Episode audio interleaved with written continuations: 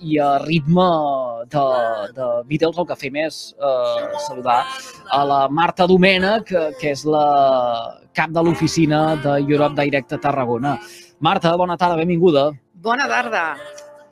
Com estàs? Molt bé.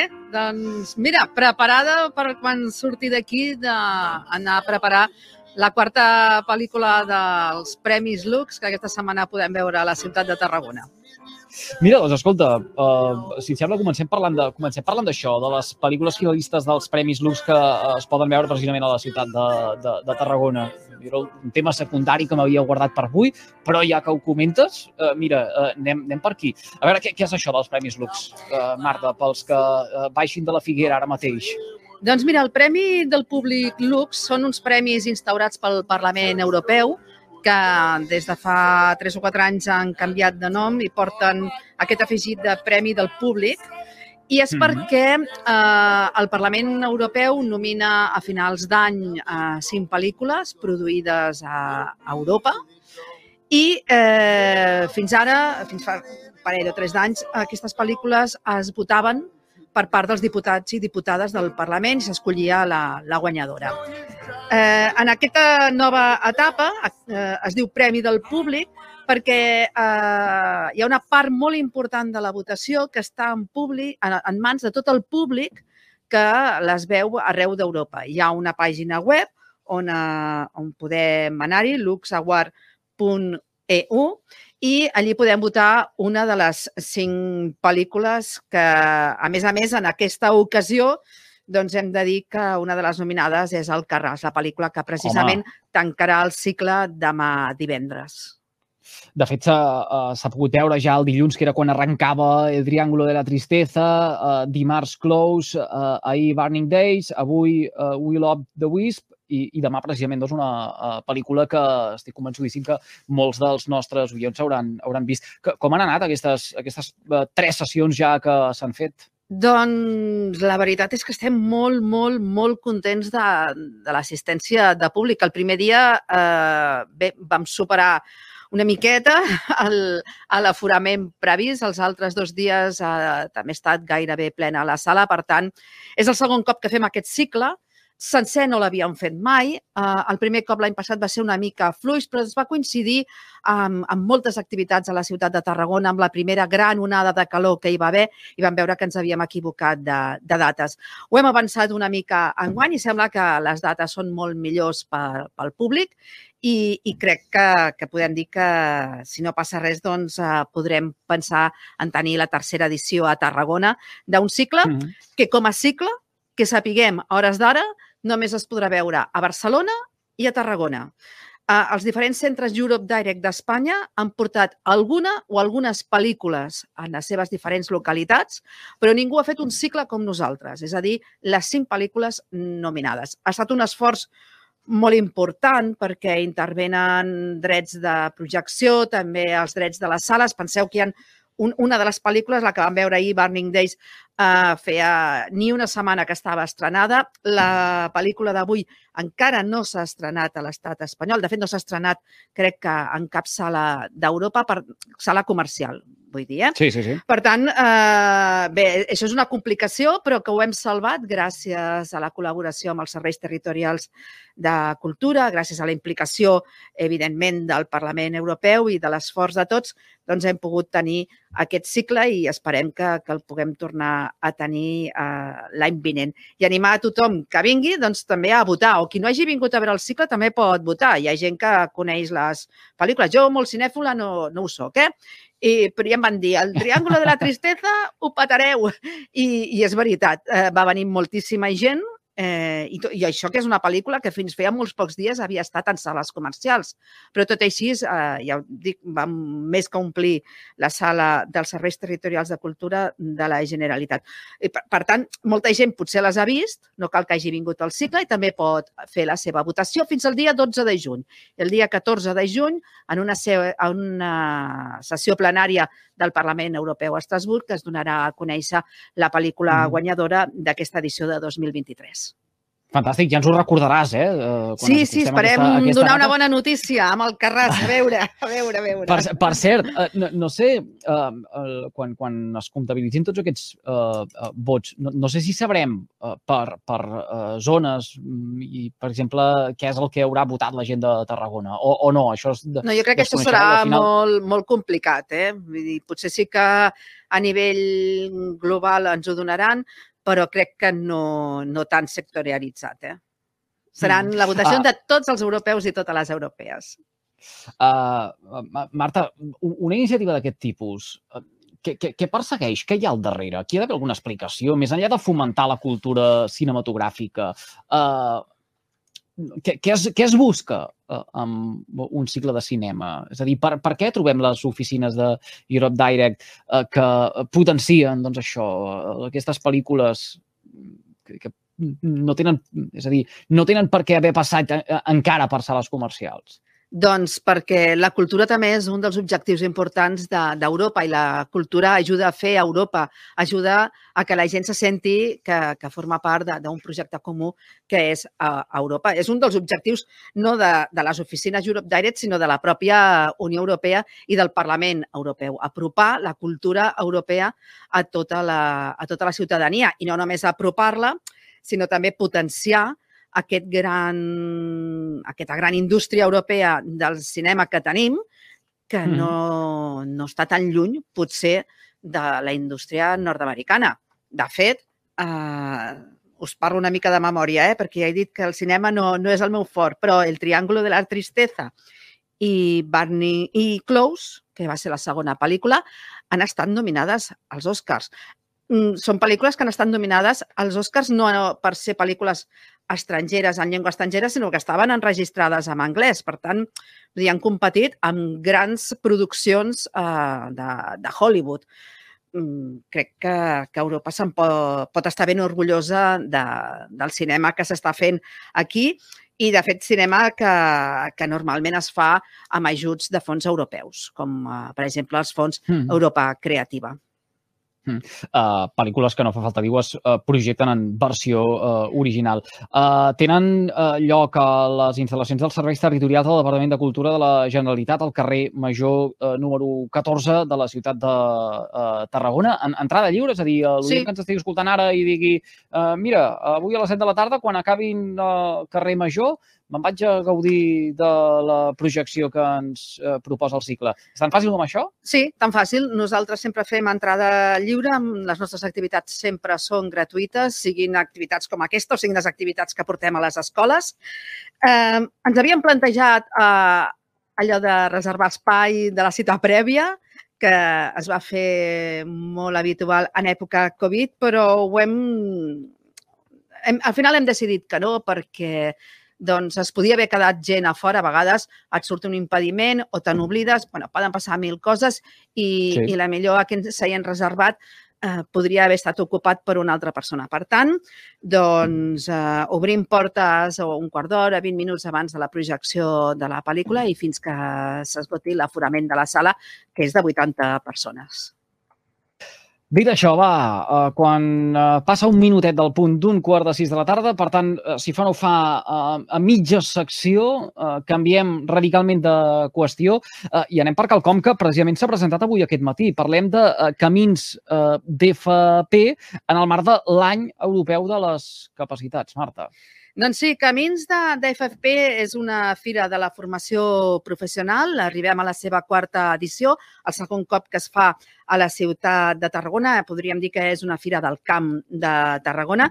Tindrà lloc els dies 26 i 27 d'abril al Palau Firal de Congressos i eh, en aquesta fira es farà un mostrari d'aquella oferta formativa de més de 30 centres de, de formació professional de les comarques tarragonines i també d'empreses que estan col·laborant amb allò que coneixem com FP Dual.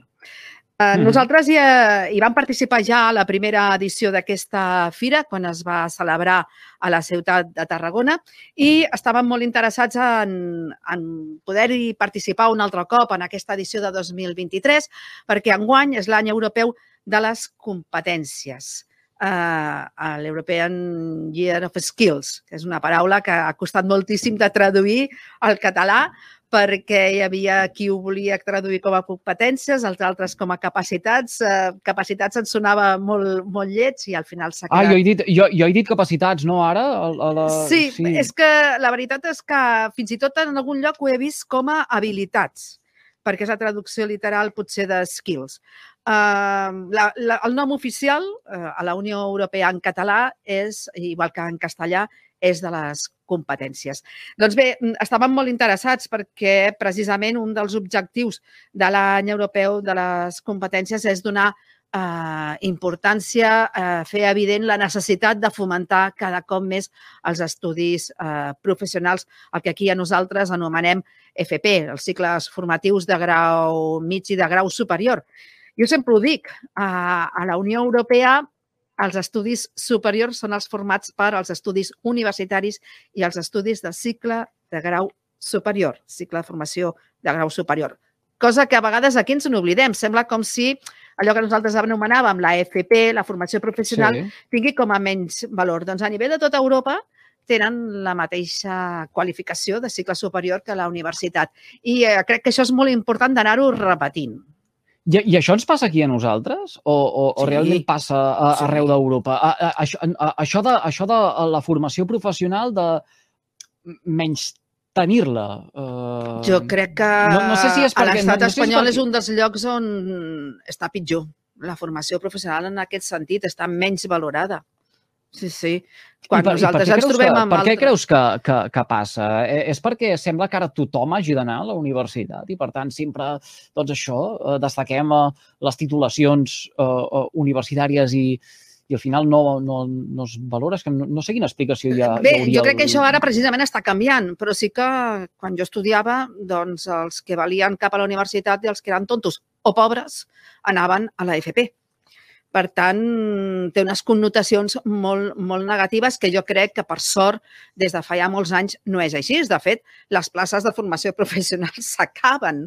Enguany s'ha adelantat la matrícula, la Generalitat ha adelantat la matrícula per tal de, de donar l'oportunitat a més gent a poder-s'hi apuntar. Però sí que socialment eh, té com unes connotacions negatives que sempre que vaig jo als instituts eh, intento combatre-ho. Eh? Sempre recordo a tota Europa els cicles formatius de grau superior és ensenyaments superiors igual que la, que la universitat. I si, per exemple, parlem de beques Erasmus, la veritat és que jo trobo que són més avantatjoses les beques que hi ha per a formació professional que no pas cap a la universitat. Tenen, a nivell econòmic, són, són molt millors. Mm. Déu què, què et diuen uh, quan visites a un institut i, i intentes trencar aquesta llança en favor de la, de la, de la FP? No, clar, ells, ells ja estan d'acord. Encara hi ha canalla, eh? Els més jovenets, potser, que, que sí que em miren com volguem dir, això, estudis superiors, va, igual que la universitat, vols dir? Eh, però jo crec que, jo crec que per sort, això ha canviat. El que no ha canviat és en, en el global de la societat. Quan surts al carrer i en parles amb persones. Els pares encara els sents parlar quan tenen canalla petita de que eh, treballen per poder pagar els estudis de la universitat dels seus fills o quan siguin grans els seus fills i vagin a la universitat. I, i, i jo sempre penso, bueno, a la universitat o amb un cicle de formació professional. Vull dir, per Sí, què sí, hem d'anar sí, sí. tots a la universitat? Jo, jo he anat a fer activitats, jo faig moltes activitats a, en, en instituts de formació professional i em trobo gent amb titulacions universitàries que acaben fent després una titulació de formació professional perquè té molt més recorregut eh, professional que no pas els estudis que havien realitzat. Alguns d'ells forçats una mica per, per, per la inèrcia de la pròpia família o de la tradició familiar de que havien de fer uns estudis, però realment veuen que allò potser no és o el que té més sortida o el que els satisfà més i després se'n van, eh, ja força grans, a, a Mm. fer altres estudis. Déu nhi hem de canviar moltes coses. En tot cas, va, eh, tornem a l'any europeu de les competències. Jo avui aquest migdia m'estava documentant, llegia eh, una mica, d'això en va parlar Úrsula von der Leyen en el eh, discurs de la Unió, eh, el seu dia doncs, ja ho vam eh, comentar. En tot cas, eh, persegueix jo, darrere tot plegat, hi ha quatre objectius. Sí, promoure la inversió a- en formació i en millores de les competències perquè eh, no només els joves puguin accedir a nous llocs de treball, sinó que les persones que ja estan treballant, que això també és molt important recalcar-ho, puguin eh, eh, mantenir el seu lloc de treball o millorar-lo. De fet, hi ha molts programes adreçats a persones eh, que estan treballant ja. Mm, després, garantir les que les competències responguin a les necessitats dels ocupants eh, actualment. Fa, no, no fa masses dies, i crec que ho havia comentat jo aquí a, eh, al programa de Carrer Major, que sortia una notícia a TV3 explicant que eh, hi ha empreses que estan fent la seva pròpia formació per exemple, per instal·ladors de plaques solars, perquè en sí, fan falta. Sí, sí, sí. Per tant, el que hem de fer potser és eh, començar a pensar en noves professions que en aquests moments no, no tenim. Després, adequar les aspiracions i les competències de les persones a les oportunitats reals del mercat laboral i atraure persones de fora de la Unió Europea amb les competències eh, necessàries, que la, la gent que eh, ve a treballar de fora de la Unió Europea tingui les competències eh, necessàries per a poder entrar en el mercat eh, laboral. Insisteixo, eh? no només és pels que comencen a estudiar o els estan estudiant, sinó que aquest any europeu i, i totes les mesures que s'aprovaran durant els propers mesos, que serà un, un any més llarg que el 2023, segurament durarà fins a la primavera vinent, doncs estaran pensades pels que estan estudiant, però també pels que estan treballant, sobretot aquelles edats amb aquelles professions que comencen a tenir problemes perquè han quedat com a fora del, del mercat laboral i, per tant, s'han de mm.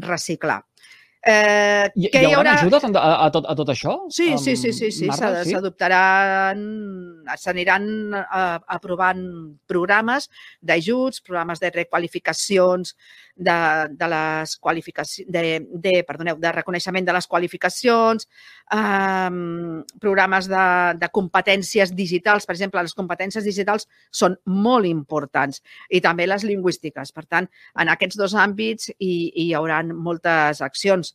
I, i després, eh, sobretot, eh, estic segura que s'invertirà molt en formar persones eh, per posar en pràctica això que us deia de les plaques solars o de les bombes de calor. De fet, eh, des de la Unió Europea ja estan recomanant que la gent que s'hagi de, de canviar la calefacció a casa seva ja no pensi en una calefacció de gas natural, sinó que pensi en les bombes de calor i, i de fred, l'aire condicionat que, sí, que hi ha sí, sí. en molts llocs, perquè eh, està vist que serà el més sostenible i, a la, i al final el més econòmic per les butxaques de tothom.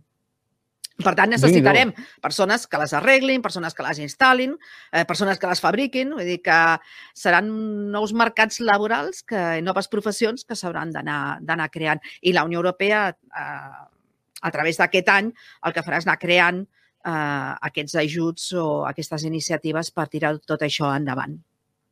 Ho anirem explicant a mesura que en coneguem detalls. Per cert, eh, llegia que eh, la, la festa de tot plegat es viurà en el marc del eh, Dia d'Europa, que serà el 9 de maig. Eh, sabem que, que amb activitats i, i propostes simultànies a, arreu del continent, sabrem que, que hi haurà?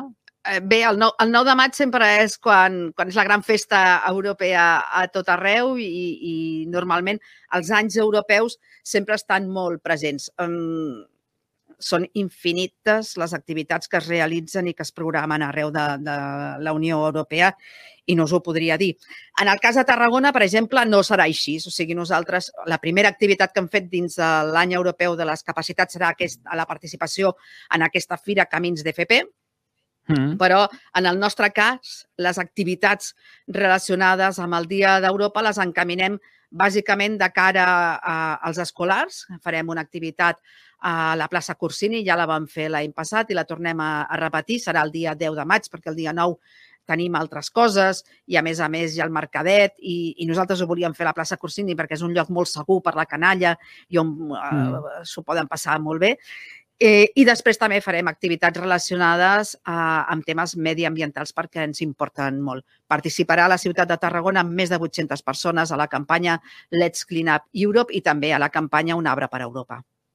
En tot cas, qui vulgui saber més entorn d'això, eh, assenyalàvem ara eh, aquest eh, festival de l'any europeu de les competències el 9 de maig i d'Europa amb aquest pont d'activitats relacionades amb les competències que es desenvolupin simultàniament a, a tota Europa, que faci petita cerca a través de la xarxa, que de ben segur que podrà ampliar moltes de les coses que ens acaba d'explicar la, la Marta. Eh? Sí, hi ha una pàgina web sempre amb tots els anys europeus on sorgeixen allí, la gent va penjant uh, les diferents activitats que, que s'organitzen. El que passa és que aquests festivals ara per ara ens queden tots molt lluny, excepte l'any 2010, que va ser l'any de, la, de la col·laboració intergeneracional, que una de les inauguracions oficials importants que es va fer va ser a la ciutat de, de Tarragona. No sé si recordeu els tarragonins, una carpa mm, en forma de circ que va estar instal·lada uns dies a la plaça Verdaguer. Però normalment totes aquestes celebracions així importants dels anys europeus doncs sempre ens queden una mica més lluny.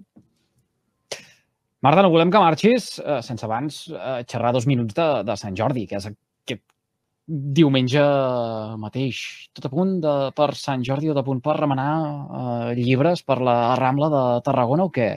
I tant, i tant. I a més a més, eh, us, mm, us animo a entrar a les xarxes socials de, de, la, de la representació de la Comissió Europea a Barcelona, que ells estan fent un concurs a través de les xarxes, Instagram, eh, bàsicament, i també Twitter, on sortegen eh, dos llibres, Calòpsia, que està més pensat per la canalla, és, eh, s'explica a l'origen de la Unió Europea, i després un llibre on es parla de, del gran llegat gastronòmic de la Unió Europea. I és, és un petit sort, joc, sorteig que es fa a través de les xarxes socials, una manera també de col·laborar. De fet, eh, arreu d'Europa es, fan, es van fent activitats i a les nostres xarxes socials eh, en farem ressò perquè doncs, el dia de Sant Jordi és un dia important per nosaltres, però també molts europeus ho saben i, i a vegades ens envien fins i tot missatges allò felicitant-nos el dia i és, és, és, és molt bonic, és molt bonic, molt emotiu.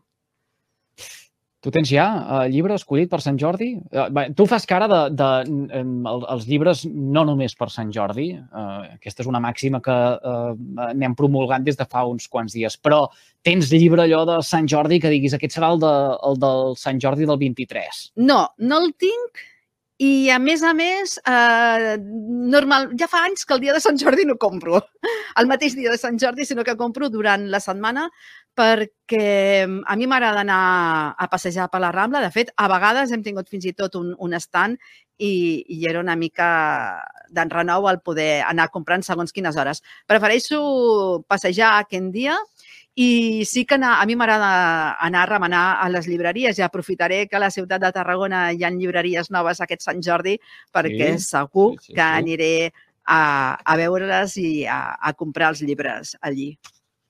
Doncs que tinguis un molt bon Sant Jordi, uh, Marta. Uh, un Sant Jordi en diumenge, que hi ha gustos per tot, però no entrarem ara en aquest debat.